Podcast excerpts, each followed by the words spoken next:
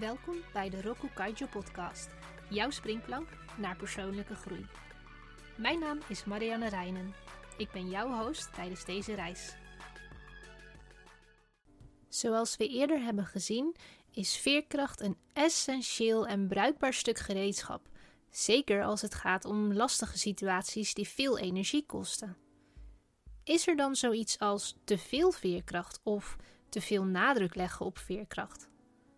Met andere woorden, heeft veerkracht ook negatieve gevolgen, een donkere zijde? Veerkracht wordt wel eens vergeleken met een spier. Inspanning, oftewel samentrekking in goede tijden, uitzetting, ontspanning in slechte tijden.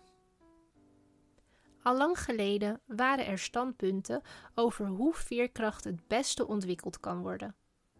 Zo zien we dat zo'n kleine 2000 jaar geleden de Romeinse schrijver Seneca schreef: Moeilijkheden versterken de geest, zoals arbeid dat bij het lichaam doet. Bestaat er in dit licht zoiets als te veel van het goede? Verschillende onderzoeken wijzen uit dat een teveel aan veerkracht negatieve gevolgen kan hebben. Waar kun je dan aan denken? 1.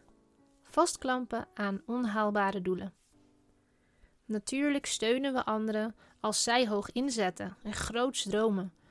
Toch is het normaal gesproken effectiever om doelen aan te passen naar een haalbaar niveau.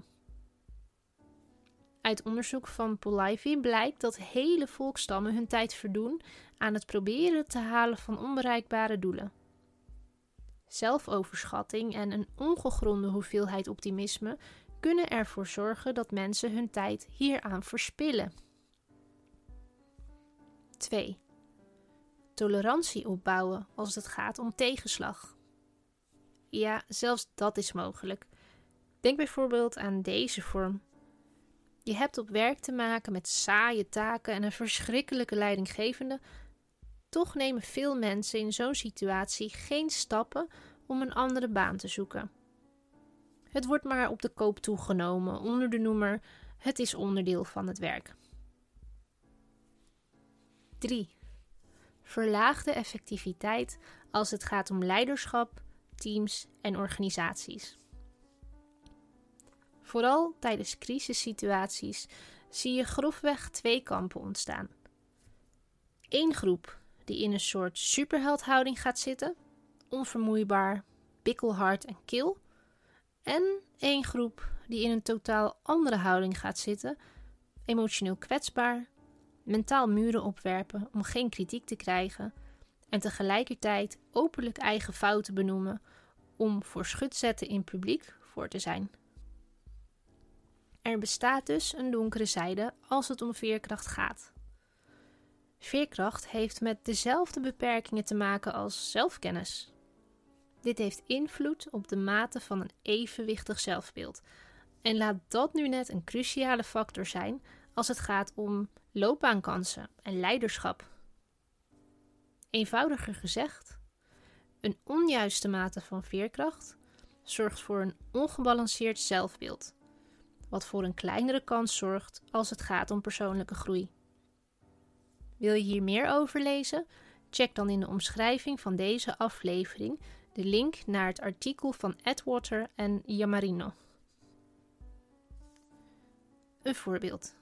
Iemand die heel dapper is, kan zich wel eens onbewust zijn van zijn of haar eigen beperkingen, kan zichzelf overschatten, waardoor ze rigide en gesloten kunnen zijn als het gaat om feedback en input van anderen. Dat is uiteraard niet goed voor een team en een organisatie op zich. Roku Kaijo's weektip. Zoom eens uit. Kijk eens vanuit vogelperspectief naar jouw team of groep. Als er zich een moeilijke situatie voordoet, wie schiet er dan in de bikkelharde houding en wie in de kwetsbare houding? En belangrijk, waar sta jij zelf vergeleken met anderen?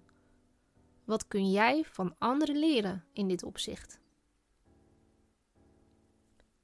Ik ben benieuwd naar jouw bevindingen. Deel die gerust met me.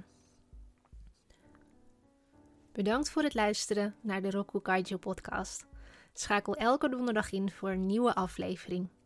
Meer informatie en het laatste nieuws vind je op de website roku-kaijo.com.